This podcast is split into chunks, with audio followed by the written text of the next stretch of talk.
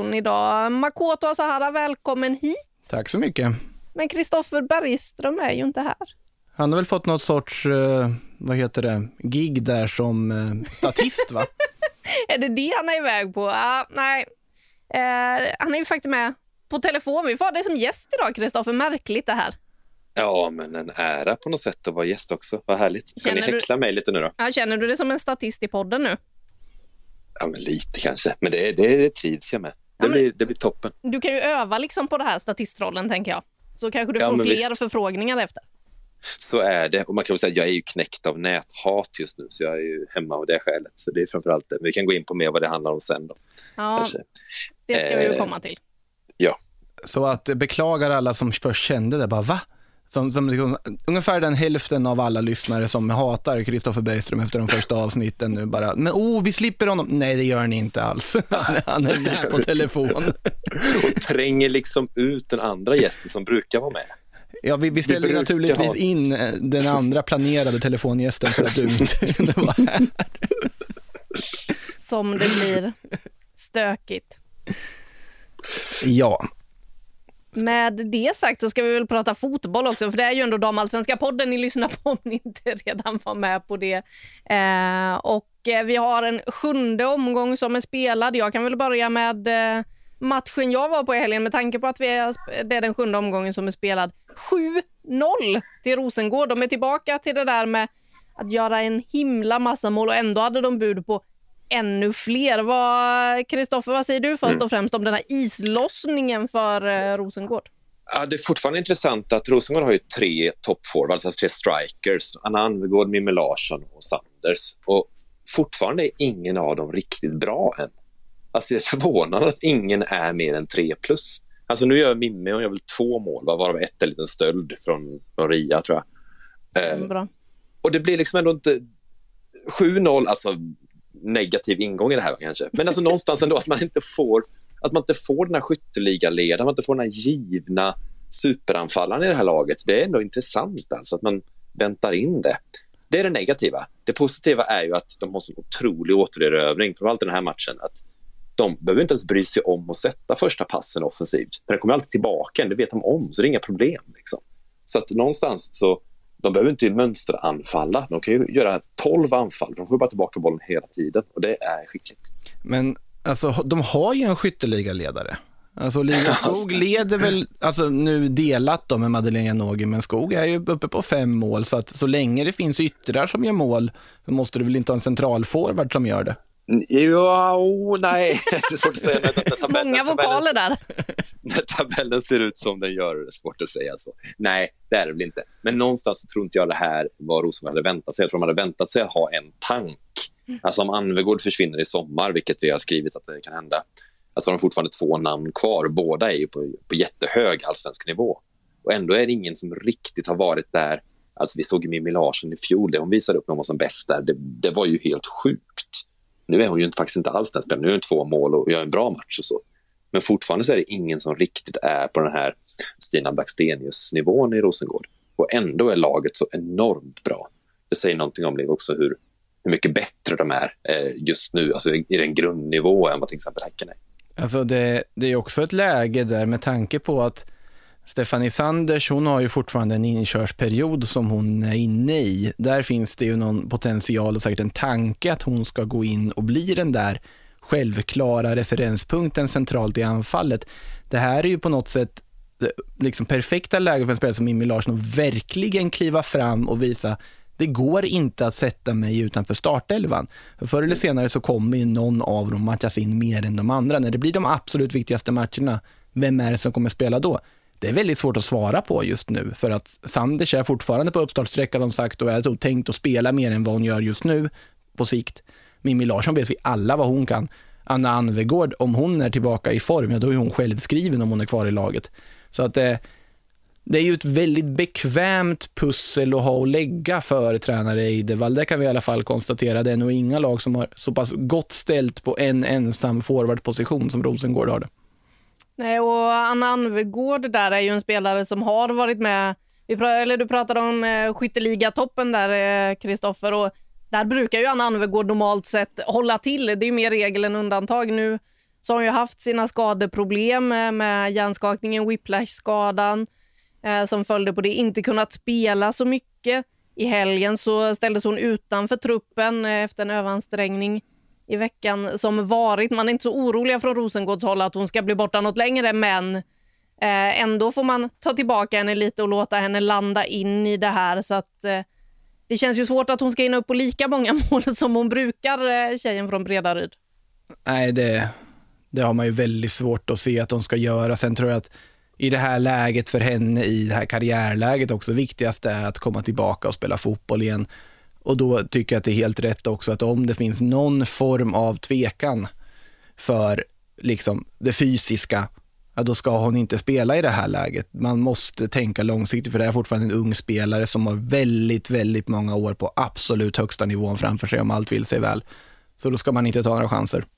Hon är så kontinuerlig målskytt också. Det var inte en säsong hon stimmade eller något sånt där. Så att det, och det, de siffrorna hon har bakom sig, det vet man att internationella klubbar vill ha henne också. För det gör man så mycket mål år efter år i allsvenskan så, så är man redo för en större också, om man då bara är kry.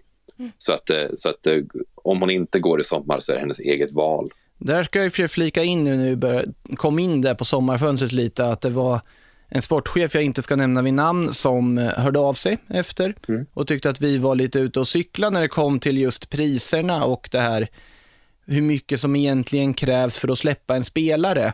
Att det är nog ändå en ganska rejäl slant och att om man släpper en spelare idag, då har man garanterat en plan att liksom ersätta.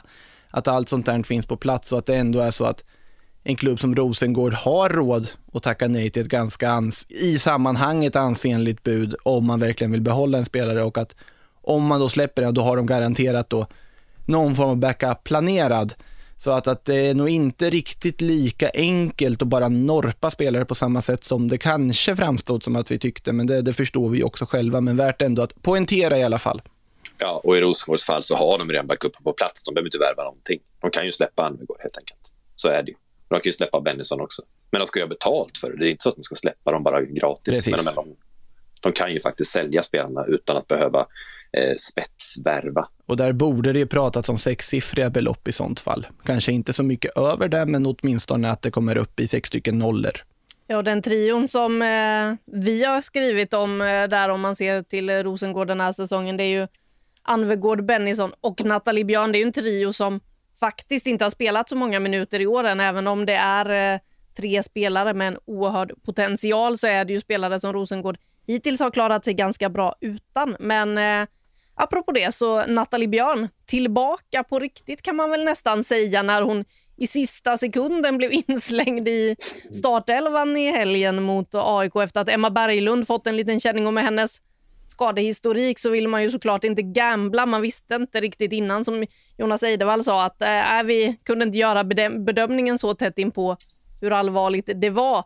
Så då valde vi att lägga in Nathalie istället som fanns redo att kliva in och då får hon kliva in i en mittbacksposition på arenan där hon en gång gjorde debut i damallsvenskan. Det är ändå lite fint. Det är fint. Mm. Alltså, sa han inte också att det var en säkerhetsåtgärd med väldigt många ord, om jag förstod det? Eh, absolut, det var väldigt många ord inblandade i det här kring säkerhetsgärd och sannolikhet att hon kan starta och där, där, där. Det var mycket för att säga att... Eh... Man såg en whiteboard framför sig i huvudet, det gjorde man. Att man står, de står inne i det, liksom, så här, pros and cons, liksom, sätter ja. upp en sån lista. Om vi spelar, om vi inte spelar. Nu verkar det ju vara en känning i låret som till synes inte verkar vara något allvarligt, så det är skönt och vi kommer väl förhoppningsvis se Berglund snart på planen igen. Och Nathalie Björn då en spelare som får fler minuter nu inför en eh, trupputtagning. Vi ska väl inte fastna allt för mycket just i den trupputtagningen eftersom en del av er som lyssnar kanske redan kommer att ha truppen framför er när ni hör det här. Det är en landslagstrupp som tas ut inför eh, träningslandskamperna, genrepen inför OS mot eh, Norge och Australien som tas ut på tisdagen. Vi spelar ju in det här på måndagen tisdag efter lunch eh, så tas det ut en trupp. Så att vi ska väl inte sitta och spekulera för mycket i den för de som redan har truppen framför sig. Men för Nathalie Björns del är det ju bra att hon får speltid. Ja, är den OS-stor eller är den ordinarie stor? Den är ordinarie stor skulle jag tro. Jag har inte hört något annat, men det vore ju väldigt märkligt att inte göra den ordinarie stor och testa så många spelare som möjligt. Ja, det var väldigt pikt ändå att dra en OS-trupp här direkt. Liksom. Det är de här. Ja. Ni andra, bör, bör kuta lite ni andra. Ni är utanför. Precis. Så här ser liten är truppen, nu vet ni. Leverera. Ni har några Så. omgångar på er att springa er in i en elva för 22 juni tror jag det är som Det stämmer. Gerhardsson Det tar ut eh, den officiella OS-truppen. Den med då bara 18 spelare i. Jag minns ett, ett samtal med Pia Sundhage, jag minns det var 2013 i Portugal och hon pratade då om att eh, hon använde petningar som ett instrument. Hon använde dem väldigt tydligt att Eh, det finns många som är ungefär på samma nivå. Och då är det viktigt att man roterar lite där för att folk ska känna en glädje av att vara med i truppen. Man får inte bara slentrian dra upp mejlet, ah, jag är med igen. Ja. Och när man väl är ute ur den ska man inte bryta ihop helt, utan ska finnas liksom en sorts... Man ska få det då och då i ansiktet. att man, är inte bara, man, man prenumererar inte på en plats här, utan det är något man ska fira när man är med. Liksom, sådär. Och det var, jag har inte hört någon förbundskapten säga det så tydligt förut. Jag har inte hört att Peter Gerhardsson skulle använda den taktiken heller riktigt. sådär. Men jag, jag förstår psykologin i det, även om det kan vara hårt. Jag tror att det kan finnas en sån psykologi naturligtvis. Att, och sen tror jag också det känns i alla fall som att stämningen kring spelarna som är på den där gränsen och balanserar, att det ändå finns just en väldigt liksom, rätt approach till det hela. Att, ja, men, om jag inte är med, då får jag kämpa hårdare i klubblaget, för det är precis så man ska reagera. Aj, ja, synd att jag inte kom med den här gången, då får jag ge ännu mer för mitt lag för att jag ska visa att jag ska vara med i den här truppen. Jag tycker att med den konkurrenskraften som landslaget har nu, så tycker jag ändå man ser väldigt många sådana tendenser hos de spelarna, eller den inställningen hos spelarna som ligger på gränsen också. Och apropå gränser, vi kan väl snart komma in på det här eh, som du var inne på i början, Kristoffer, om att du inte är så omtyckt på alla håll. Men eh, om vi då pratar mittbacksläget, för om vi då landar då i de som spelar i damallsvenskan så är det ju eh, så att Nilla Fischer har tackat nej. Hon ska bli mamma igen i sommar. Eh, hennes fru Mika väntar barn och de- ska väl få i juli. Eh, det här skrev du en krönika om, Kristoffer, som inte landade helt väl om jag förstår det hela rätt. Nej, jag är en avskydd person numera.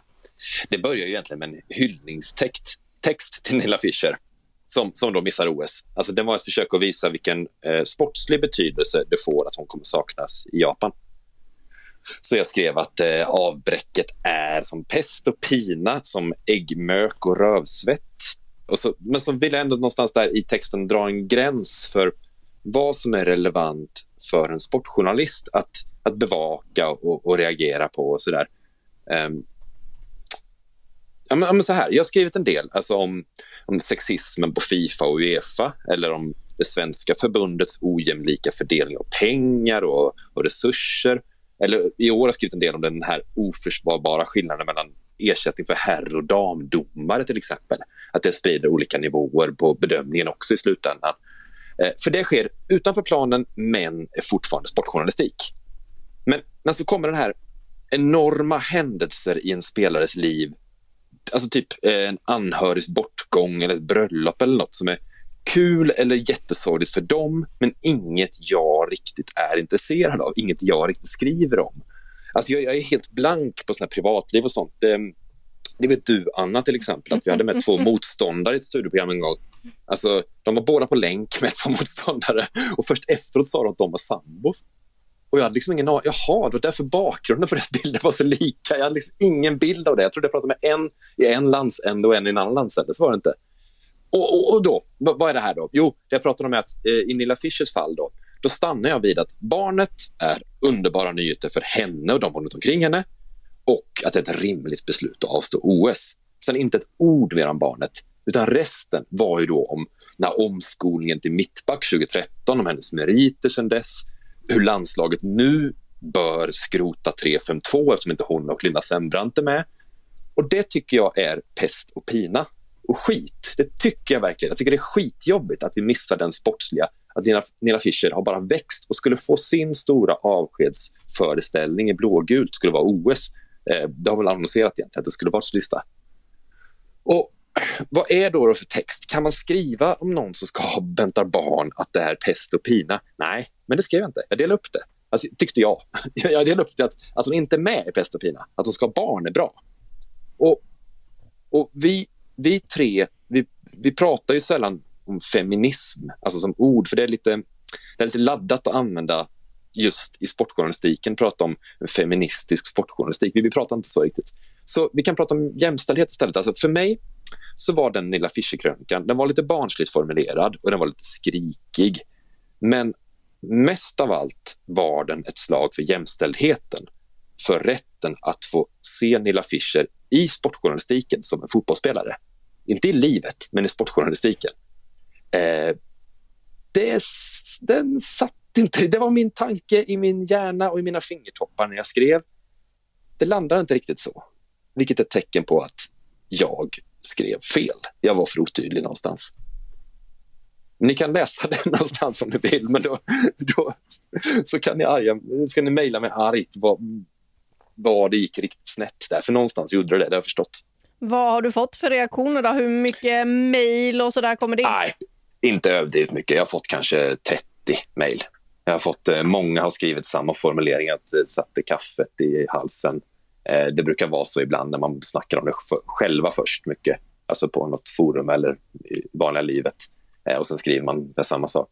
Eh, men, men många är ju arga liksom. och det förstår jag också. Jag pratade med en eh, med Elin Rubensson. Hon blev besviken. Hon nämns också i texten där.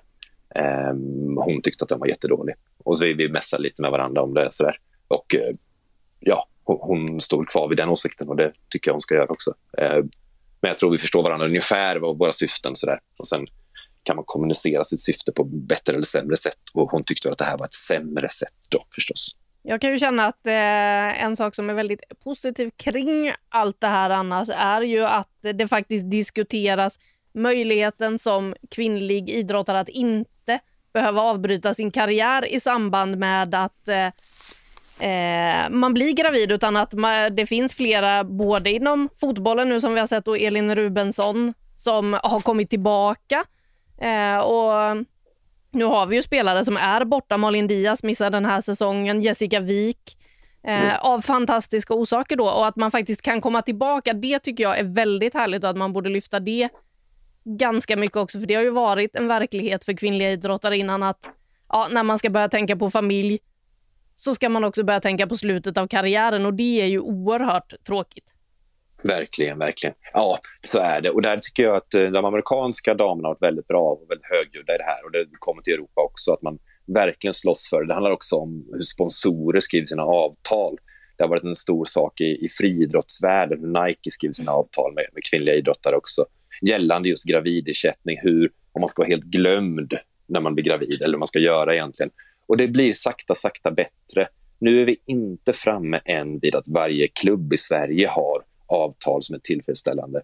Det har ju lite att göra med deras ekonomiska resurser, att helt enkelt är, ja, man är fattig som en elitklubb i Sverige idag. Men det är också, också att lite gamla strukturer släpar vidare. Man, ska, man kan bli mycket bättre tycker jag fortfarande i damallsvenskan på det här. Och det är också en fråga vi verkligen ska bevaka. Absolut, och eh, som sagt positivt att se flera kvinnliga elitidrottare komma tillbaka och prestera ordentligt efter, även efter en graviditet. Att man visar att det där betyder inte slutet på en karriär precis som att en korsbandsskada inte behöver betyda slutet på en karriär. Så att, eh, Nej, det är ju faktiskt precis. en utveckling som går åt rätt håll. Så är det. så är det. Och Vi ska stryka under igen om man missat att Nilla Fischer är alltså inte gravid själv, utan det är hennes fru som är det. Eh, hon ska väl förstås vara mammaledig och borta ett tag och inte vara i Japan. Och Det är ju väldigt rimligt. Mm. Det, det, finns ingenting, eh, i alla fall inget syfte i det jag skrev att, att kritisera det, utan tvärtom så tycker jag det är ett helt korrekt beslut. Det är, inget, det är inte mycket att prata om där. Och som jag förstått det så, så vill hon spela någon mer landskamp för att göra en, en tydlig sista landskamp. Eh, hon ska ju platsa förstås också, men, men det kommer hon ju göra så bra som hon är. Så att som jag förstått det så blir det inget EM eller liknande för henne utan det är just eh, OS var tänkt som sista, sista tävlingarna som på fullaste, fullaste allvar. Eh, och de blir det inte något av nu då, så vi får väl, vi får väl tacka henne för en bländande karriär eh, i höst. Ja, det kommer vi ju sannoliken få göra, hoppas vi. Nilla Fischer har ju varit outstanding så här långt eh, i backlinjen eh, i Linköping. Så där kommer vi fortsätta få se henne en hel del. Kristoffer, du kanske tycker att du och jag har pratat väldigt länge nu. Det är så att nu sitter jag helt själv i poddstudion. Jaha, Jag har liksom blivit lämnad ensam mot mitt öde. Det är lite som när man sitter och kommenterar matcher, vilket jag gör ibland. Då sitter man ju själv i en liten hytt om man inte har en Ja. expert med sig. Och prata för sig själv i 90 minuter, då känner man sig Ja. ganska trög ibland. Har du någonsin mardrömmen att någon säger efter matchen att du, inget ljud gick ut? Nej, jag har inte tänkt på den innan. Jag kommer absolut att tänka på det nästa match. Fruktansvärt att höra sen efteråt. Suttit och pratat för absolut ingen i 90 minuter. Ja, jag fattar. Men du, du eh, är det så, jag tänkte att eh, Makoto, det är ju tråkigt när vi, nej vi förresten, jag är förälder, när vi pratar om, eh, om graviditet och sånt där. Jag tänkte han, han smyger sakta ut. Alltså det riktiga skälet att jag är hemma det är ju för att min bebis är sjuk. Hon är bredvid mig precis nu och jag ligger och sover och snörvlar. Eh, men han skulle ta ett jobbsamtal, va, eller? Skulle prata Så med är en det. sportchef. Det är inte så att han bara övergav oss mitt i det här samtalet eh, utan anledning, utan han är ju faktiskt ute och pratar om serien med en sportchef just nu. Vi får väl se vad han kommer in med för nyheter. Vi kanske bara ska ta och pausa lite och vänta in honom så att Det vi. inte missar liksom en massa intressant input som han kanske har på ämnena vi ska prata om framöver. Så vi väntar in Makoto och eh, återkommer alldeles, alldeles, alldeles strax. Så där igen, nu har du hittat in här igen Makoto. Du bara flydde. Ja, alltså när en sportchef ringer så får man ju svara, så är det De har ju mycket att göra och stå i. Och det kan man ju tänka sig att de har i Djurgården. Dessutom pratade jag precis med eh, Djurgårdens sportchef Jean Balavo eh, som klargör att vi står i det här tillsammans. Vi har ju pratat om Pierre Fondins vara eller icke vara som tränare där. Att han klargör att vi står här tillsammans. Det är inte en ensam individ som ska liksom bära hundhuvudet för det här och att de som grupp, spelare, ledare, sportslig ledning, alltihop, att de måste samla sig för att vända på den här trenden då. Och att det inte finns några planer på att göra några ändringar i den ledarstaben just nu.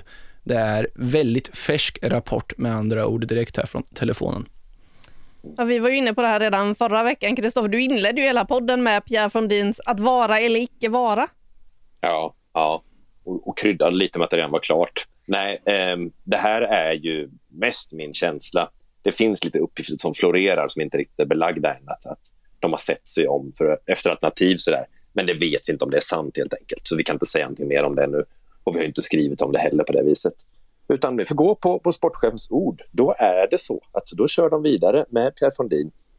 Och det, det negativa är inte bara de här sex raka förlusterna utan problemet just nu som, som jag tycker talar för att man kan göra en förändring i ledarstaben det är att Djurgården under lång tid vetat om att problemet är att göra mål för oss. Definitivt så. Eh, från det att Mia Jalkerud stack, det är väl två år sedan eller någonting nu, så måste vi kunna ersätta henne. Vi fick in Olivia Skog, eller hon har kunnat göra det. Men inför den här säsongen så måste man ha ett systematiskt sätt att skapa målchanser på. Du måste ha någonting som gör att du kommer till fem, sex, sju slumpchanser på en match. Alltså om du tittar till exempel hur... Nej men säg hur Vittsjö gör mål mot Kristianstad den här omgången. Alltså bara en, en lång lyra och så Gelnik som stöter in den. Om du kollar på sådana här mål, kanske e, elakt att jämföra med Häcken, men liksom att Blackstenius skjuter och så är det någon hockeyskarv eh, framför mål av Lotta Ökvist. Alltså den typen av mål som bara blir för att man spelar väldigt bra fram hela vägen till mål och kommer till avslut. Den gör inte Djurgården.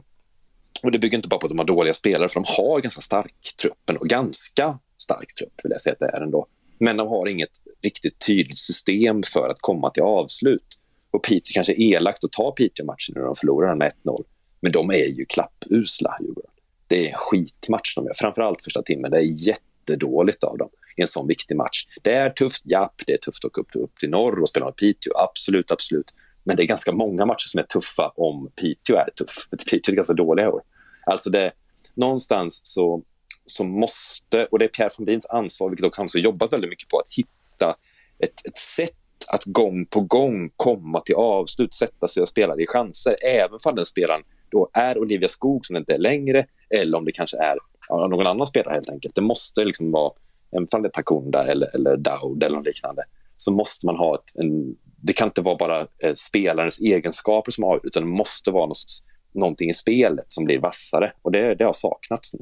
Det känns som att tidigare, de här första fem förlusterna av raden av nu sex stycken raka förluster, så har man på något sätt, ja derbyn är alltid derbyn och där, det är ju tillräckligt illa såklart att förlora två raka derbyn, men likväl derbyn är derbyn.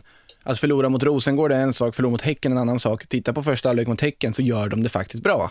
Sen när Häcken börjar hitta och börjar spela bra själva, då blir det en helt annan historia. Men det är någonting annat den här matchen i Piteå. Det märkte man på spelare och ledare efter när jag pratade med dem också. att Man märkte att det här var, det fanns ingenting positivt att ta med från det här. Det här var bara för dåligt rakt igenom. Det är ju alla överens om och det intressanta blir ju hur man stöter tillbaka från det här. Och vet jag pratade med Pierre Fondin då efter också, tränaren, han konstaterar helt enkelt att det är för dåligt det här. Och att han såklart tänker på hur han kunde göra det bättre. Han förstår att det blir diskussioner med tanke på resultatraden, hur den är. Men att det finns inget annat än att bara liksom bita ihop, samla sig och komma tillbaka. Och det är ju självfallet att allt annat än det hade ju varit jättekonstigt att säga i det här läget också. Lagkaptenen Kila van den Bulk var ju inne på samma sak också, att eh, vi måste studsa tillbaka från det här. Vi måste, nu måste vi leverera. Nu kommer Eskilstuna och Växjö i två otroligt viktiga matcher framöver här. Det är två lag som också är på den undre halvan. Nu gäller det att man levererar. Piteå var en smäll och frågan är, ja, kan det ha funnits viss underskattning kanske man tänker, efter de tuffa matcher de haft innan. Nu ska vi upp till Piteå och ta den där tre poängen som vi har förtjänat innan. Äh, om det var så så är det också ett tjänstefel, men det, det, du har inte råd att underskatta någon heller i det här läget de är just nu. Just nu är de ett bottenlag, de slåss för sin överlevnad och eh, varje poäng kommer vara enormt viktig, framförallt nu i de här två kommande matcherna också. Så att, eh, det blir spännande att se, för det finns ju kvalitet i laget. Det finns ju kvalitet om man tittar individuellt. Haley Dowd tycker jag har börjat säsongen ganska bra. Alltså det känns som en av de jobbigaste anfallarna att möta i ligan på hennes liksom riv, målkänsla, alltihopa det där. Vi vet att det finns en uppsida på Daniela Zamora som inte riktigt sitt sätt än och att det finns en akklimatiseringsprocess där. Jag tycker en spelare som Linda Motlalo har växt i mina ögon. Eller Lilja, jättebra nyförvärv på mittfältet. Addo tar ju bara steg och steg för varje match också. Men det måste, jag håller med dig helt och hållet Krok, att det måste finnas någon form av system och de måste börja skapa chanser och kunna etablera matchbilder. I den här matchen mot Piteå så är det Piteå som styr skutan under den här första timmen. Det är först när Edlund hittar rätt då. Jättefin nickskarv för övrigt. Jag vet att det kallades ett slumpmål där i kommenteringen, men det kan jag inte hålla med om. För det, var, det såg ut i alla fall som en väldigt medveten och fin nickskarv och smart system med en långboll där. Mm. Eh, det var ju efter det som Djurgården på något sätt vaknade, men det är bara halvchanser de skapar också. Så att eh, bot och bättring är väl det enkla att säga. Ja, och, och, faktiskt hela vägen upp från ledarnivå också. Det är inte bara att säga, alltså Samora och Takunda står på noll mål hittills. Det är klart det är alldeles för dåligt. Men det är inte bara dem. Jo, de ska spela bättre, men någonstans vill man se ett lag som ännu tydligare skickar bollar på mål, som, som någonstans man ser lite tydligare tendenser till målchanser. Det är lite, det är lite för milt. Det är lite för bolltryggt i mitten, som inte är mycket mer än så. Och Djurgården som eh, du var inne på, Makoto, Eskilstuna i nästa omgång. Och om det då strular även där så lär det ju höras för i helgen så kommer publiken tillbaka till arenorna dessutom så att då har man förhoppningsvis lite fans på plats. Jag var... misstänker att det kommer höras på dem om de inte är helt nöjda. Ja, det är också en aspekt. Jag vet att eh, Kila tog upp det också, att vi har ju fansen med oss i nästa match och det gäller också att verkligen få med sig fansen, visa att de verkligen vill spela för den här klubben, den här anrika klubben som Djurgården är, den klubben med de resurserna som Djurgården har. Det här är, med all respekt till klubbar som Vittsjö, Piteå, Växjö, det är någonting annat att spela för Djurgården. Det finns en annan historia och tradition och så vidare. Må så vara att det är mycket baserat på liksom historiken på herrsidan också, men även på damsidan. En enorm historik, kanske en större historik än många andra, många andra klubbar i Sverige har överhuvudtaget. Det finns en ära där och den måste visa sig för Djurgården så att de får med sig fansen åt rätt håll också och att folk börjar tro på projektet. Men då måste projektet också visa att det är på rätt håll.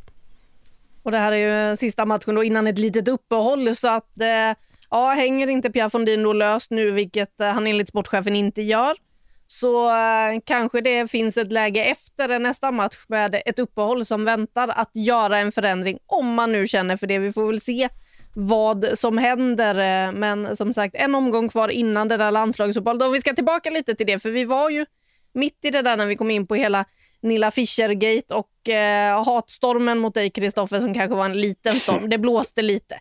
Eh, inte så, Vindpust kanske. Inte, du har rätt. Inte så värst farligt. Men eh, det här öppnar ju för mittbackar som finns i damallsvenskan. Verkligen. Vi har ju spelare som Josefin Rybrink i Kristianstad, vi har Emma Kullberg i Häcken som eh, båda har varit med i Gerhardssons trupper. Eh, du har pratat med båda två ju Makoto eh, den senaste veckan. Hur ser de på det här och vad tror de om sina chanser att liksom ta en av platserna i en 18-mannatrupp? Vi ska ju också då komma ihåg att även Linda Sembrant missar ju tyvärr OS på grund av en eh, knäskada. Operationen har ju gått bra har hon meddelat, men eh, dessvärre så missar hon ju OS. Så att Sembrant out, Fischer out. Vilka kommer in?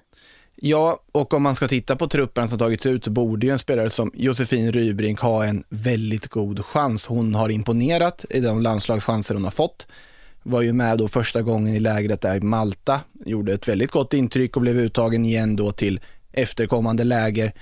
Eh, hon var väl inte jättenöjd i allmänhet med tillvaron där på kanalplan efter förlust mot Hammarby och Kristianstad gjorde en av sina sämre insatser vi har sett dem göra på väldigt länge måste jag säga. Det var inte mycket som fungerade. Grundanalysen på vad som gick snett var allt när man frågade dem helt enkelt. Och det kan jag förstå, vi kommer in på den matchen lite senare också. Men eh, i övrigt så var det väl nästan lite så här copy-pastade svar på både Rybrink och Kullberg, två spelare som verkligen, deras aktier har stärkt nu inför den här uttagningen. Och det är ju att det enda jag kan fokusera på är att göra det så bra jag kan i klubblaget. Det är där med insatserna här som jag kommer att ge, få en plats möjligtvis i OS. Men det såklart finns en förhoppning att få åka med och det hade varit en dröm. Och jag tycker att både Rybrink och Kullberg har jättegoda chanser att ta sig in i en sån här trupp med en bra vår i åtanke. Att, och att de också dessutom levererar, alltså fall i alla fall levereras verkligen i landslagströjan också till 100 procent. Så att, ja men det ser väl ganska bra ut för dem, för några mittbackar måste de ju ta med nu när det är två väldigt tongivande som saknas. Ja, vi får väl se vad som händer. Jag räknar väl med att båda är med i den truppen som Peter Gerhardsson tar ut nu i alla fall, som ju då är ordinarie stor som du kallar den, Kristoffer. Eh, en sån där gammal vanlig hederlig trupp på en sådär 23 spelare. Det är inte den här eh, EM 26 manna lösningen. Det nya påhittet som herrarna håller på med, nej, det tror jag inte. Men man vet ju aldrig nej. vad de får för sig och hur de ska testa spelare. Tony Gustavsson till exempel, som ju är förbundskapten för Australien nu då som Sverige ju ska möta i, eh, under det här uppehållet, men också sen som match två under OS. Han var ju inne på att han kommer ju behöva testa så många spelare som möjligt. Han har fortfarande inte träffat alla spelare eh, i sitt landslag än. De har haft en samling sen han tog över och då var det coronarestriktioner och en del sjuka, lite skadade. Så att, ja, nej, det finns de som har eh, mer att tänka på än vad Peter Gerhardsson har så här långt. Det känns som att han ändå har hyfsade lyxproblem att eh, fundera på den gode Peter. Han har ett ganska starkt manskap han kan ställa upp. Men nog om landslaget. Jag vill ju slå ett slag för 40-mannatrupperna de har i baseball först. Jag bara vill bara lägga in det där att... De, alla ska med. Ja, men lite alla ska med. 40-man roster, det tycker jag man borde köra på i fotboll också. Det hade varit kul för många att få dra på sig landslagströjan på träning åtminstone. Ja, då blir det inte det här eh, det psykologiska spelet som eh, du var inne på innan, Kristoffer, riktigt. Eh, nej, nej. Långt ifrån det. Men hörni, jag sa precis nog om landslagssnack. Det är damallsvenska podden det här va? Eh, men vi hade ju faktiskt en mörkning i förra podden. Har jag Jaha. fått veta nu.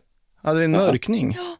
Här satt jag och pratade om Guro Pettersen förra veckan och eh, hon hade tagit emot smällarna mot Rosengård men ändå kände sig okej efter gjorde hon inte. Det var en, en norsk lögn. Det var en eh, Norge-historia som hon drog, den gode Piteå-målvakten. det var ju viktiga poäng som stod på spel för Piteå också såklart. Eh, och eh, nu medger hon ju att ja, de där smällarna mot Rosengård tog lite mer än vad man sa från Piteå-håll först. Hon stod ju alltså inte i matchen mot Djurgården utan det gjorde den förra Djurgårdsmålvakten Nicole Persson. Eh, gjorde det bra dessutom. Nu, nu konstaterar jag att Djurgården var ganska dåliga på att skapa målchanser, men de målchanser de skapade så hanterade hon ju väl. Så att det var väl en väldigt skön första match för säsongen där för henne. Att få hålla nollan dessutom och tre otroligt viktiga poäng för Piteå. Ja, men eh, så Guro bad nu om ursäkt då för att hon eh, inte kunde säga något förra veckan, men att det blev väl kanske ganska uppenbart när hon inte spelade i helgen att eh, hon har ont. Eh, hon hoppas hinna tillbaka till eh, Häcken-matchen, meddelar hon i alla fall. Får vi se om det här också är en mörkning eller inte. Med det sagt... Ah, jag kan se igenom det. Nicole är också skadad. Det är det ah, Jag har lärt mig hennes hjärnspel nu. Med det sagt så kan alltså Djurgården ha ändrat i sin ledartab när ni lyssnar på detta, även om vi har hört vad vi har hört. Men tills vidare får vi, vi som sitter här idag, måndag klockan eh, snart tre, får helt enkelt konstatera att de inte kommer ändra. Ja, och eh, som sagt, vi litar ju på det folk säger till oss. Eh, så att eh, ja, Guro, vi får se om hon är tillbaka till Häckenmatchen, om hon har repat sig tills dess. Eh, efter det så väntar ju då det här landslagsuppehållet även för henne. Hon är ju en av de damallsvenska spelarna som är uttagna i ett annat landslag och då, i hennes fall då givetvis Norge som Sverige möter den 10 juni. Ingen Cessi Åsland i den truppen va? Ingen Cessi Åsland i den truppen och vi kan väl då gå in på eh, matchen på kanalplan där ju Hammarby övertygar och vinner med hela 3-1 mot Kristianstad. Ja, man var ju lite förvånad ändå. Nu hade var ju... du imponerad? Imponerad, absolut. Ja. Det var jag verkligen. Det var inte bara jag, utan det var min expertkommentatorskollega Per Lagerström också. Jag tror till och med sa det i sändning, var förvånad. Han, han såg liksom helt chockad ut när han såg Hammarbys offensiva spel och att de då för andra gången det här året alltså går upp i en 3-0-ledning mot fjolårstrean Kristianstad på hemmaplan. Det är en sak med försäsong, ja, och där såg de jättebra ut. Det var ett av de största styrkebeskeden Hammarby gjorde på den här försäsongen, att just besegra Kristianstad på det sättet de gjorde då. Men då kände man att det här är ett Kristianstad som kommer komma igång. Det här är ett Hammarby som fortfarande lever på sin liksom försäsongshype lite. Vi kan inte dra för stora växlar av det. Det här kan vi dra ganska stora växlar av det som vi precis såg här i helgen för det här pressspelet Hammarby visar och det här sättet de efter en ganska trevande start där det ändå var ganska svängigt fram och tillbaka så bara tar Hammarby kommandot helt enkelt. Det var ju lite, målet kändes logiskt när det kom. Ett fantastiskt anfall för övrigt. Det är väl Wangerheim som droppar ner möter på ett väldigt så rutinerat sätt som en 16-åring vanligtvis inte gör. Passar tillbaka till Gibson som gått in då i andra raka matchen istället för en skadad Hanna Folkesson. Gör det strålande verkligen på det här mittfältet. Lite i skymundan, men hon, hon är där. Hon gör precis det hon ska och den där passningen då ut på Emilia Larsson, perfekt.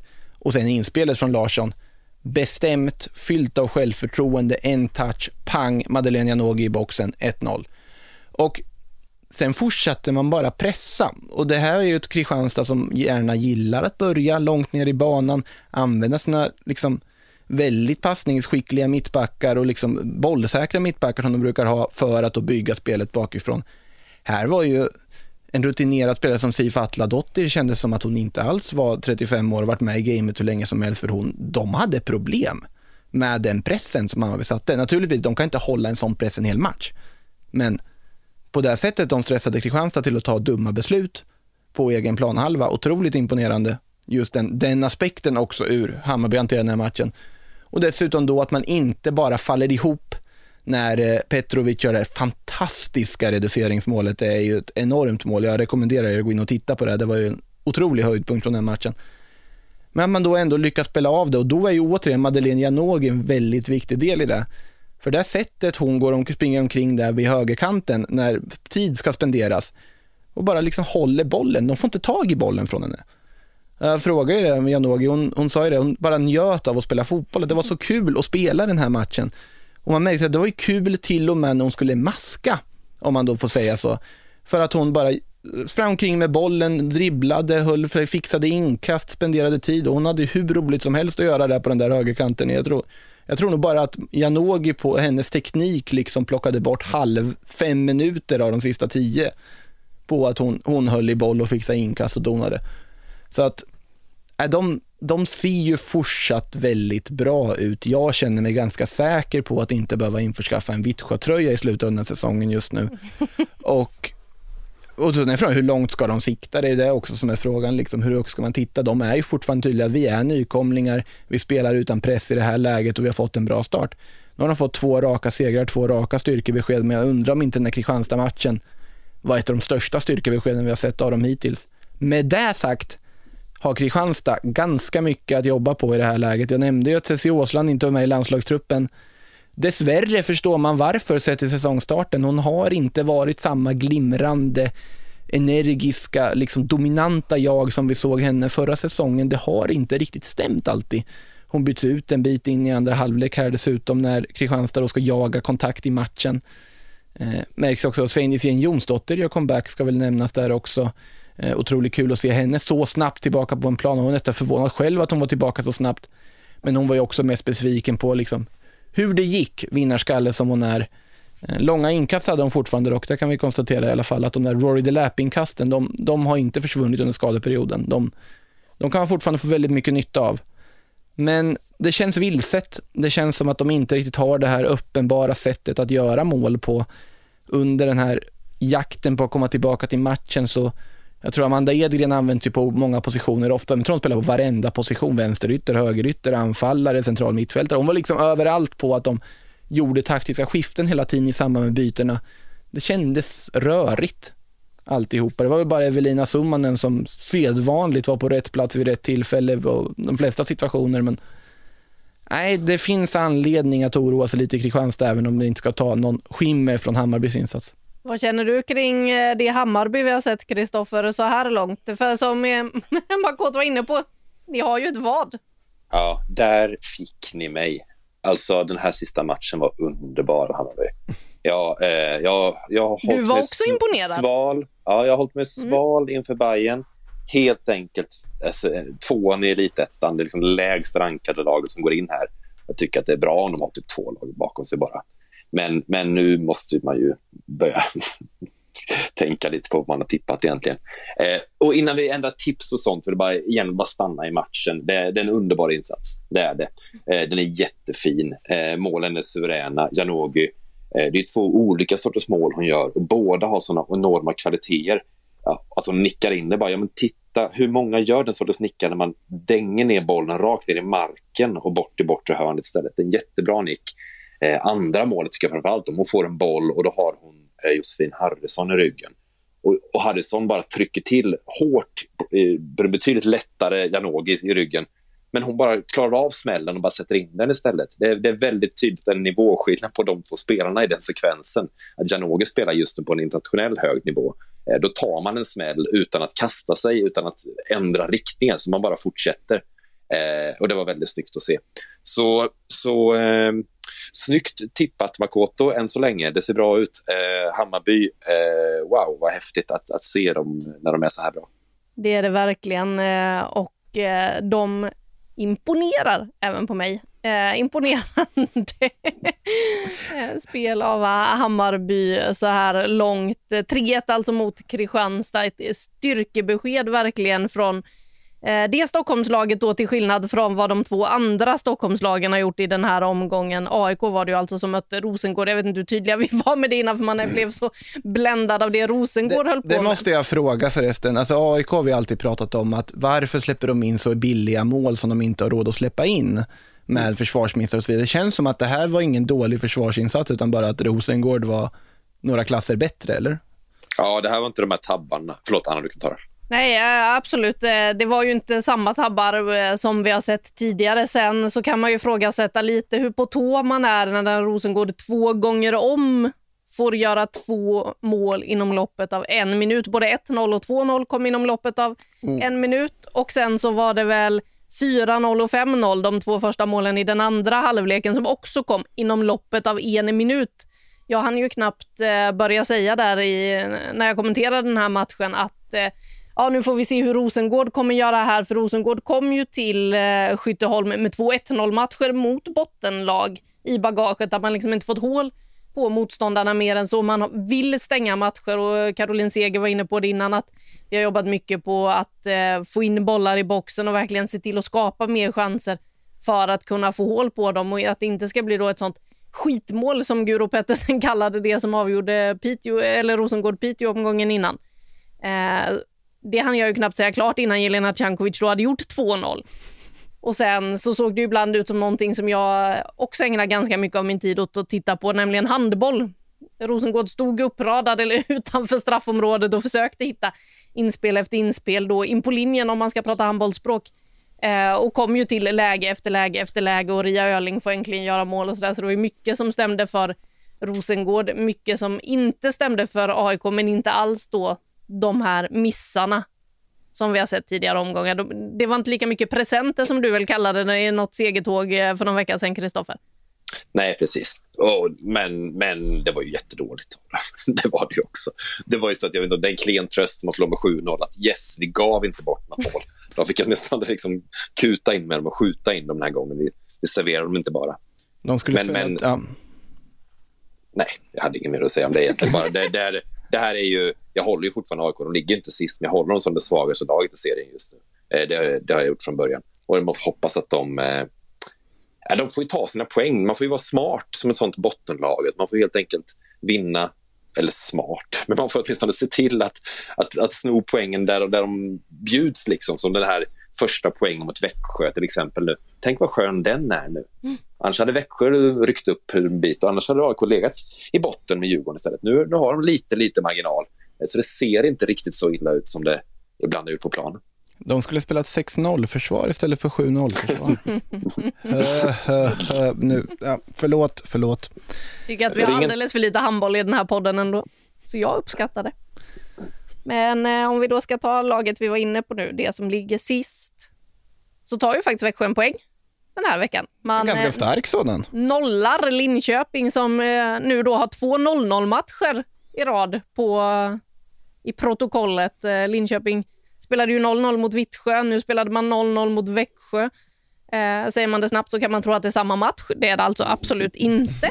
Det är något helt annat. Det som väl kanske är lite oroväckande för Växjö, det är såklart härligt med en poäng, men man saknade Emmy Alanen, lagkapten, skadad.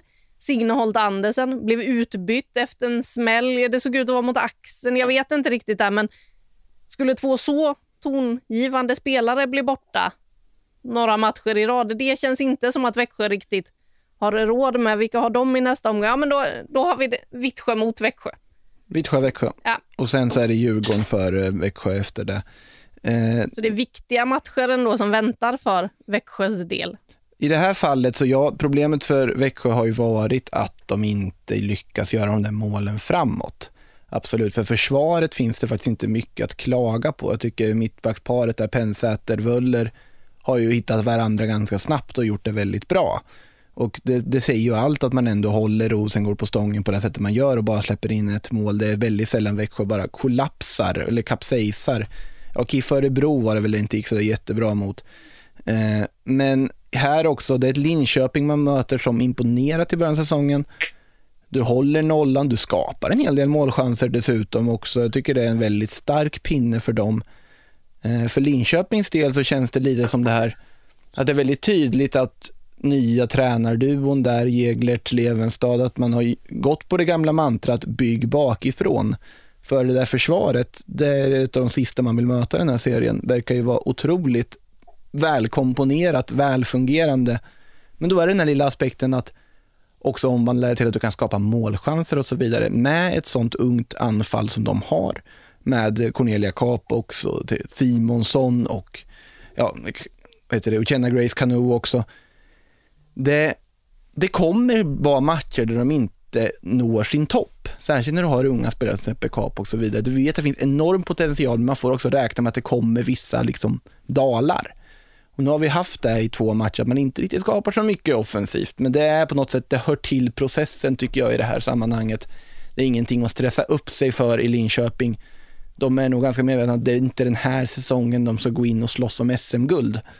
Det är om tre år, om två år, om fem år om man får dra det ännu längre. Det är i framtiden de planerar att vara med och slåss om SM-guld. Och det är där de bygger för. Att de då får 0-0 resultat, att de ändå lyckas sätta försvaret på det sätt de gjort, det är en väldigt bra start. Sen gäller det också bara utveckla till att de kan dominera matchbilder, att de kan skapa målchanser på ett helt annat sätt, få utlopp och liksom hitta en jämnhet. Och sen såklart typ kedja fast Frida Manum liksom i, kvar i Linköping och Östergötland så att inte alla världens toppklubbar kommer springande med pengasedlar. För att det är ju också, om jag var en utländsk scout, tittade på damallsvenskan, då är ju det där den spelare som jag skulle säga att henne ska vi ha. Eh, så bra tycker jag hon är med den åldern också, de egenskaper, ledaregenskaperna hon har. Hon springer omkring med kaptensbindel i ett lag med Nilla Fischer. Det säger väl allt om vilken unik ung mittfältstalang det här är. Eh, det hade, om jag var scout, om jag hade varit sportchef, det hade varit det första jag hade valt från eh, serien just nu tror jag. Så att eh, de får, de får hitta något sätt att hålla kvar henne helt enkelt, för att hon är fortfarande enormt viktig för det här Linköping. Ja, det var nog, jag var lite arg på mig själv när jag gick ut från den här studion förra veckan. Vi pratade ju om sommarfönstret och spelare liksom som lär försvinna. Och jag satt hela tiden innan och tänkte på bara, ja, men Frida Månum lär ju vara en som blir svår att hålla kvar med tanke på hur hon dominerar på det där mittfältet. Och så nämnde vi inte ens henne. Jag bara kände att vilket hjärnsläpp när jag gick ut härifrån sist. Men ja, nej, det är ju en spelare som Linköping lär få hålla hårt i i sommar om man vill eh, ha kvar henne, kaptenen. Eh, en spelare som imponerade på mig i Växjö. Vi tittade lite på highlightsen här innan du och jag Makoto från matchen mellan Växjö och Linköping och det är ju så att Det var inte så många dock. inte så jättemånga, men Växjö gör ju ett mål som blir bortdömt och något som jag gillar där är ju attityden som eh, Madeleine Godda visar Ja. eh, i... Det känns som någonting som Växjö behöver och hon har imponerat flera gånger med aktioner som hon gör på mittfältet då oftast för Växjö. Hon hade väl fått kliva ner backlinjen vad det verkar någon match här när Emilie Henriksen inte var med i startelvan senast till exempel. Men den inställningen hon visar, det känns eh, väldigt amerikanskt, det är tufft. Det är någonting som behövs i de småländska skogarna. Till att börja med, det där målet skulle ju dömas bort också. Ja, det är inget, det det, det var inga om. tveksamheter. Nej. Det blev också en varning på Gara i det. Ja, men det, är det är den inställningen du behöver. Det ska bli mål oavsett vad det kostar. Att det där bollen ligger lös, oj, det var en back i vägen, men det skiter väl jag i och liksom bara golvar backen i princip eh, rakt in i ryggen. Det är ju den inställningen du behöver för ett bottenlag, att verkligen bara bollen ska in. Tänker ju på Mjällbyanfallaren Jakob Bergströms mål i herrallsvenskan som blev viralt där när han liksom håller på att försöka bryta en stolpe i målet när han då va, ja, han nickar ju inte in den, han vräker in den. Det Ja, väl- det, det är svårt att beskriva ens. Den bara skulle in, den där bollen. Jag vet att man har så här sponsorgrej efter i Mjällby där de skickade folk att hoppa in i en stolpe som var vadderad och grejer. Och det, var, det var ganska fint var det. Men den typen av inställning, och det är lite det hon visar där tycker jag också, att bollen ska in. Ja, det vart frispark där, det kanske inte var det smartaste att göra, men bara inställningen att det är på, liksom, på signal, bara, nu ska jag få in bolluslingen i mål. Eh, den behövs. Så att det var, på så sätt så tycker jag det var en väldigt positiv aspekt av den matchen att ta med sig. Ja, Växjö alltså som då får med sig en poäng i eh, den här omgången mot Linköping. Har du något mer att säga om den matchen, Kristoffer? Nej, Nej, du är med fortfarande också. Man blir lite orolig här ibland att vi skulle ha tappat dig eller så. Ja, nej. jag ligger och tittar på Lovisa. Hon ligger fortfarande och sover. Ja, fint. Det är min bebis. Det är ändå fint. Vi har liksom med lite publik här känns det nästan som. Då. Sovande dock. Det kanske inte är så positivt besked, eller? Nej, faktiskt. Har ni något roligare att prata om? Roligare! Mer uppseendeväckande. Något alldeles, alldeles galet. Hmm. Jenna Hellströms hjärnsläpp Där landar vi då, ja. Ja, Det är klart vi ska landa in på Jenna Hellström. alltså jag, det är klart det inte är acceptabelt att tappa humöret och eh, bara golva en motspelare i underläge och dra ett direkt rött kort. Som är ett direkt rött kort ska tilläggas också, det är inget att snacka om. Men alltså det är en av mina favoritspelare den här våren, Jenna Hellström. Hon, hon visar ju tendenserna på att kunna få ett sånt här hjärnsläpp redan i första omgången när hon när hon, någon liknande aktion, inte lika allvarlig då mot Portia Boache i, eh, i Djurgården då i premiären där. Hon, hon var på hela tiden och låg under skinnet på, på motståndarna med liksom attityd, hårt spelande. Och sen har visat hon är en väldigt, väldigt bra fotbollsspelare också. Det är ju hon som är hela liksom, Örebros omställningsförmåga med sin snabbhet, fart, kraft på kanten, målsinne, allt det där. Man förstår varför hon har varit, liksom varit uttagen i kanadensiska landslaget. Men det är ju också, alltså gränsen mellan genialitet och galenskap är ju tunn. Och då hör det till att man ska på något sätt tappa humöret på det sättet. Det är, jag, jag kan på något sätt, ja såklart det inte är korrekt, såklart hon ska ha rött kort, men jag kan ändå uppskatta det. Jag uppskattar det på något sätt ändå att och sen är det helt rätt också av Häckenbacken, det är väl Siki i det här fallet då, som, som ligger på där liksom och, och är precis lagom ettrig och liksom lockar fram det här hjärnsläppet på helt rätt sätt. Eh, cred till henne också eh, för den aktionen och locka fram det röda på det här sättet. Jag tycker ändå att ja, det kan låta osportligt, det kan låta lite sådär, men jag, jag, jag kan uppskatta det. Jag uppskattar det ändå. Du, det var fint. Jag måste lägga på nu. Okej. Lycka till med allting. Hej då, Kristoffer. Hej då Kristoffer. Ja, vi ska prata på lite till här i alla fall. Det här var alltså tillräckligt roligt för att få bebisen att vakna. Ja, det var så, så vi väckte lilla Lovisa eh, som då håller Kristoffer hemma den här eh, podden. Men eh, tror att han kunde vara med ganska länge ändå via telefon. Ja, ja absolut. Det, nu som sagt så fick vi ju tacka nej till typ tre andra gäster utan namn som Ja, vi ja. hade bokat in, men det, det är vad det är. Allt för Kristoffers skull. Han behöver det. Eh, men eh, som sagt, jag tittar här lite nu och försöker se vad som har hänt i övrigt. Eh, det är ju Eskilstuna-Vittsjö vi inte har nämnt i övrigt. På tal om bortdömda mål. Just det, där har vi ett där vi, också ja. där har vi en situation där det är väl Polkinghorn som kommer upp på en hörna. Väldigt bra kraft, hon kommer in med rätt fart där in i ett välbefolkat straffområde och nickar dit en boll tidigt i matchen. Det är väl gått typ 19 minuter av den här då högintressanta matchen på Tunavallen. Eh, Emma Holmgren fastnar ju på linjen där, har lite spelare framför sig, kastar sig, når inte. Och domaren väljer då att döma bort det här målet för att då målvakten var trängd, målvakt interference för att använda hockeyspråk. Eh, och det tyckte ju inte Vittsjö var korrekt. De eh, tyckte att det var ett helt korrekt mål, att det var så pass mycket folk runt där. Men jag kan inte bestämma mig. Jag vet att där och då kände jag att det där var väl ingenting att döma bort. Men sen när man tittar på reprisbilderna, alltså det är väldigt tydligt att det är Vittsjöspelare som står framför Holmgren. Sen tänker man, hade Holmgren kunnat ta sig förbi om hon faktiskt ville i det där läget? Kanske. Hade hon reagerat om hon hade räddat bollen? Kanske inte. Och jag tycker det är en väldigt svårbedömd situation. Hur mycket får man stå i vägen? För hon har väl rätt att stå där. Där ska i princip en, där ska en Eskilstuna-back se till att en back inte får stå där. Där skulle Eskilstuna liksom, lagkamrat gå dit, Matilda Plan eller vem som helst bara gå dit och bara knuffa bort henne. Hon ska inte stå där och störa vår målvakt. Vi ska skydda vår målvakt. Så ur den aspekten, jag tycker nog att det där skulle ha dömts mål. är väl min åsikt när jag tittar på det. Men jag kan ju förstå varför domaren dömde som hon dömde i det här läget. Att, för det är ju tydligt att det är ju Vittsjöspelaren som står framför målvakten. Eh, men det var väl det som var det liksom kontroversiella eller diskutabla. Nu försöker jag hitta på ord här också. Det som går att diskutera säger jag istället från den matchen. Annars 1-1. Eskilstuna fortsätter att rada upp kryss.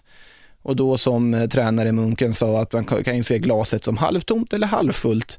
Vi har bara förlorat mot Rosengård och Häcken den här säsongen hittills. Det är ganska bra facit. Men de har också bara vunnit en av sju matcher för ett lag som aspirerar på den övre halvan, vilket ju inte är tillräckligt bra. Så att Eskilstuna fortsatt i någon sorts limbo där man inte riktigt vet var man har dem.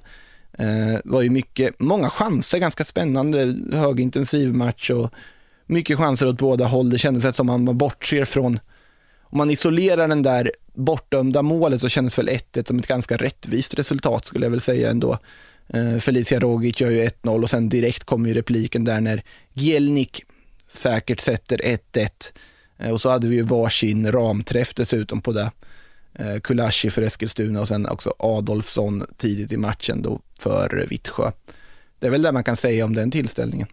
Ja, jag sitter här oerhört fokuserad in i min dator samtidigt. eh, För att jag sitter och tittar på situationen eh, vid det bortdömda målet. Och, ja, det Visst är ser, den svår? ja, det ser ju onekligen märkligt ut. Jag tror det är Nelly Persson som är eh, Vittsjö-spelaren som står eh, och liksom screenar Emma Holmgren. Men visst borde väl kanske Eskilstuna-spelarna varit framme och eh, sett till att hon inte får stå där helt ostört och störa deras målvakt. För hon står ju helt själv med Emma Holmgren. Ja, för regelmässigt får ju Persson stå där.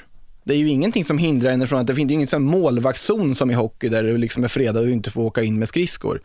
Utan där, där får hon ju stå om hon vill. Det är ju upp till Eskilstuna-försvaret att plocka bort henne. Nu räddas de ju av att målet döms bort. Men eh, det är en intressant situation och det, om, om det är någon domare som lyssnar på det här och eh, har, eh, eller någon som tycker att såklart det där ska dömas bort eller såklart det där var ett regelrätt mål, så hör av er.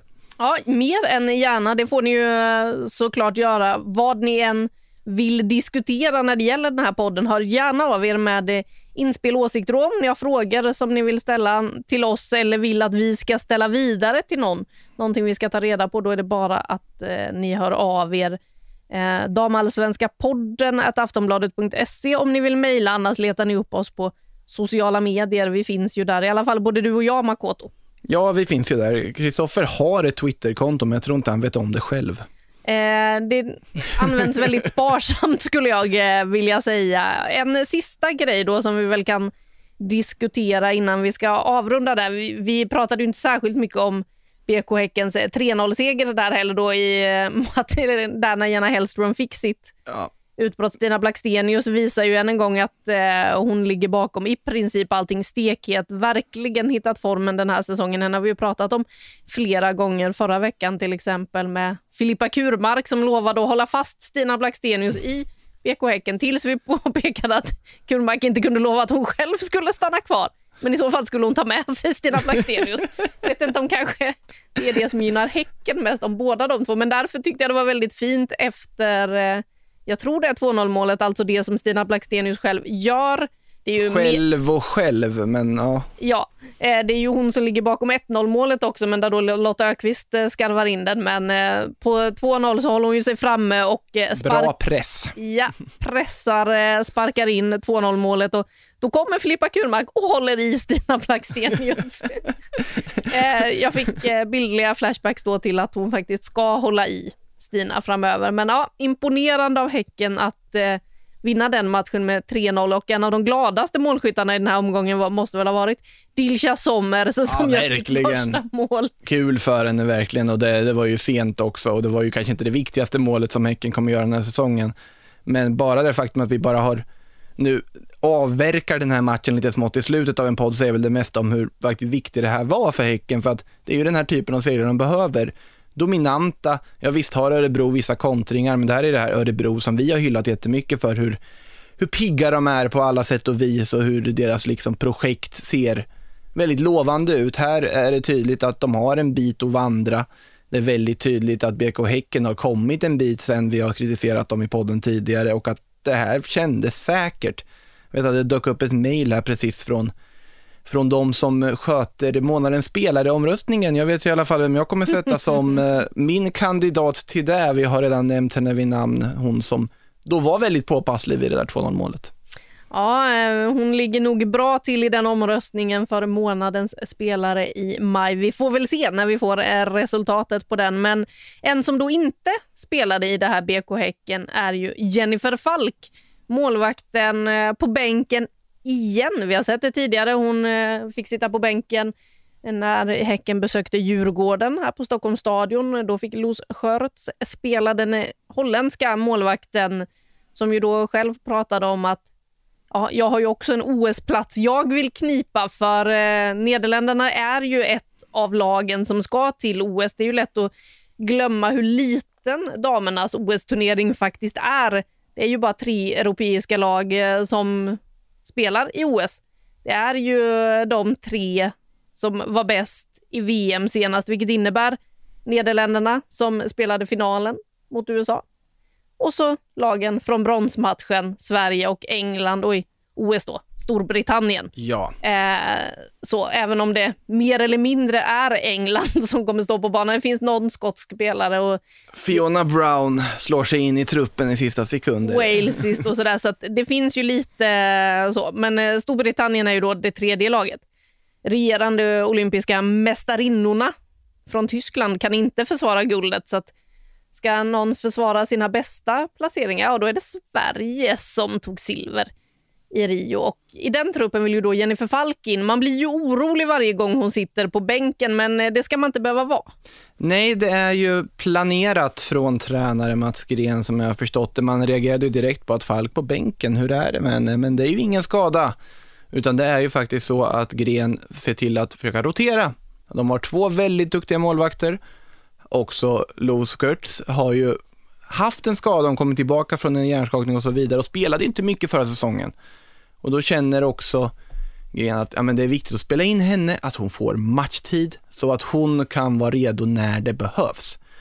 Och att det inte är så att Falk på något sätt är petad, utan det här då är ett rotationssystem helt enkelt. Vi har ju sett det i andra klubbar, men det är inte lika vanligt på målvaktsfronten att man gör på det sättet. Eh, sen är det ju såklart, jag pratade med Falk också, hon, hon vill såklart spela så mycket som hon kan, det vill ju alla spelare. Men man förstår ändå varför de agerar på det här sättet man gör om man har en målvakt som man vet håller en väldigt hög nivå, en andra spade, som dessutom inte fått så mycket matchspel tidigare, att spela in henne i sådana här matcher. Varför inte? en bortamatch mot Djurgården med tanke på hur de ser ut just nu. En match på Bern Arena mot KIF Örebro. Varför inte? Och det är ju som sagt, det är fortfarande en väldigt duktig målvakt så att det är ju det som är anledningen, det är ingen petning utan det är helt enkelt ett klassiskt rotationssystem. Och det har vi ju sett även på deras utespelare när man ibland undrar vad har hänt nu? Eh, som när eh, Luna Gevitz till exempel var det väl som vilades eh, när man förlorade mot Linköping där när man hade läst sönder Dylan Holmes som ytterback och utnyttjade det från Linköpings sida. Det har vi ju gått igenom tidigare i podden. Man kan också se det i ett gammalt segertåget om man vill se det rent eh, bildligt hur det såg ut eh, när Linköping scoutade sönder Häcken i det läget. Och det är ju lite intressant hur de här två storklubbarna, för det är ju två klubbar där vi har främst med i alla fall svenska landslagsspelare, även utländska landslagsspelare i både då BK Häcken och FC Rosengård eh, lagen som toppar tabellen. Och eh, Jonas Eidevall, då, tränare i FC Rosengård, frågade jag ju lite om det här med eh, hur han ser på sina spelare med speltid inför landslagsuttagning och sådär som väntar nu när en Nathalie Björn till exempel fick komma tillbaka in i startelvan och får minuter. Och hon själv var väldigt tydlig med att det är klart att jag vill tillbaka in i landslaget nu när jag kan spela och sådär, men hon vill ju också vara i form, känna att hon har matcher och minuter i benen, att allting sitter eh, när hon kommer tillbaka ordentligt. Och eh, ja, Eidevall är ju tydlig med att han tänker inte på landslaget överhuvudtaget eller sina spelares landslagschanser i trupputtagningen utan enbart på FC Rosengårds bästa. Mats Gren däremot, han verkar kommunicera med landslagsledningen när han håller på med att bänkar Jennifer Falk? Ja, det verkar ju som det i alla fall från jag tolkar vad han sa att han har kommunicerat då med landslagsledningen hur, hur han resonerar, hur de resonerar med Falk då, att det är liksom avstämt och, och kommunikationen ska vara god dessutom. Eh, och sen nämner han också att, som du också nämnde nyss, att Gert är ju också en OS-aktuell målvakt. Eh, nu tror inte jag att Mats Gren baserar sin land, liksom, trupputtagning på vilka som ska till OS och inte. Jag har väldigt svårt att se att han ska ta ut sitt lag på någonting annat än BK Häckens bästa här och nu. Eh, det finns ju inte på kartan. BK Häckens bästa även framöver finns ju såklart också som en aspekt. Men, eh, men ändå att man ändå liksom tar sig tiden och pratar med landslagsledningen på så. Det kanske Eidevall också gör, bara att han inte bryr sig om att liksom vilka som kommer med i landslaget. Det ska du inte bry dig som tränare. Du ska bry dig om vad är bäst för mitt lag här och nu. Hur kan vi vinna så mycket matcher som möjligt? Hur kan vi utveckla spelare så mycket som möjligt? Det är det enda som en tränare ska prioritera, oavsett nivå egentligen. Eh, ja, på, på ungdomsnivå kanske inte vinna så mycket som möjligt alltid ska vara högst prioriterat, men grund, grundprincipen i alla fall i elitidrott så ska det alltid vara att det är vad är bäst för laget? Det ska vara det som är primärt. Och då kan det vara vissa beslut där som då också visat sig vara bäst för individen, fast det är det bästa för laget för att den individen är så pass viktig för laget. Så är det ju såklart. Men eh, så jag tror nog ändå att även om de säger det på olika vis så finns det nog ändå samma tanke att det är deras eget lags bästa som är prioriterat. Så lär det ju vara och eh, jag kom på en eh, annan grej som jag också bara vill lyfta apropå det här Rosengård och att se till sitt eget bästa och sådär. De är ju ett stjärnspäckat lag med landslagsspelare på i princip varje position.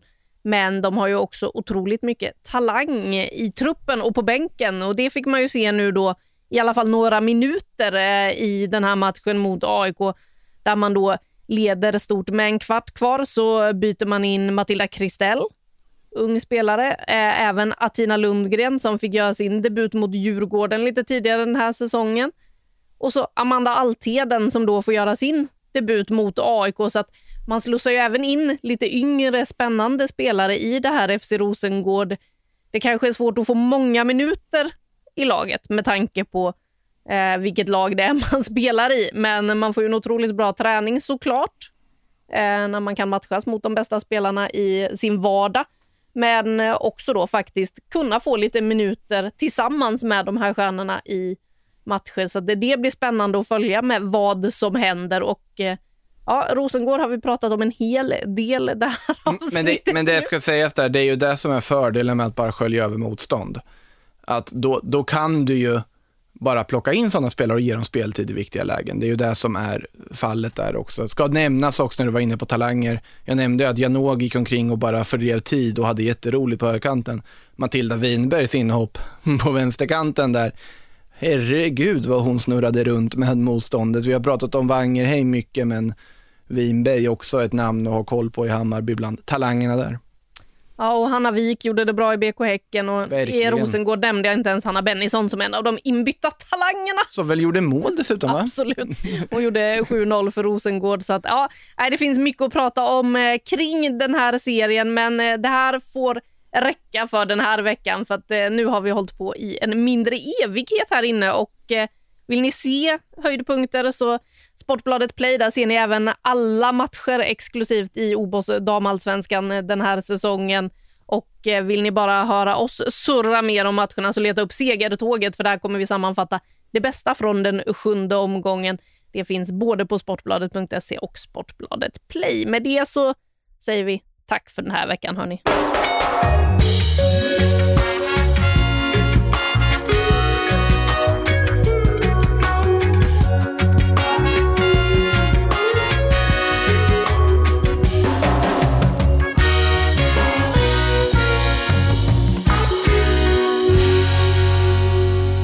Du har lyssnat på en podcast från Aftonbladet. Ansvarig utgivare är Lena K Samuelsson.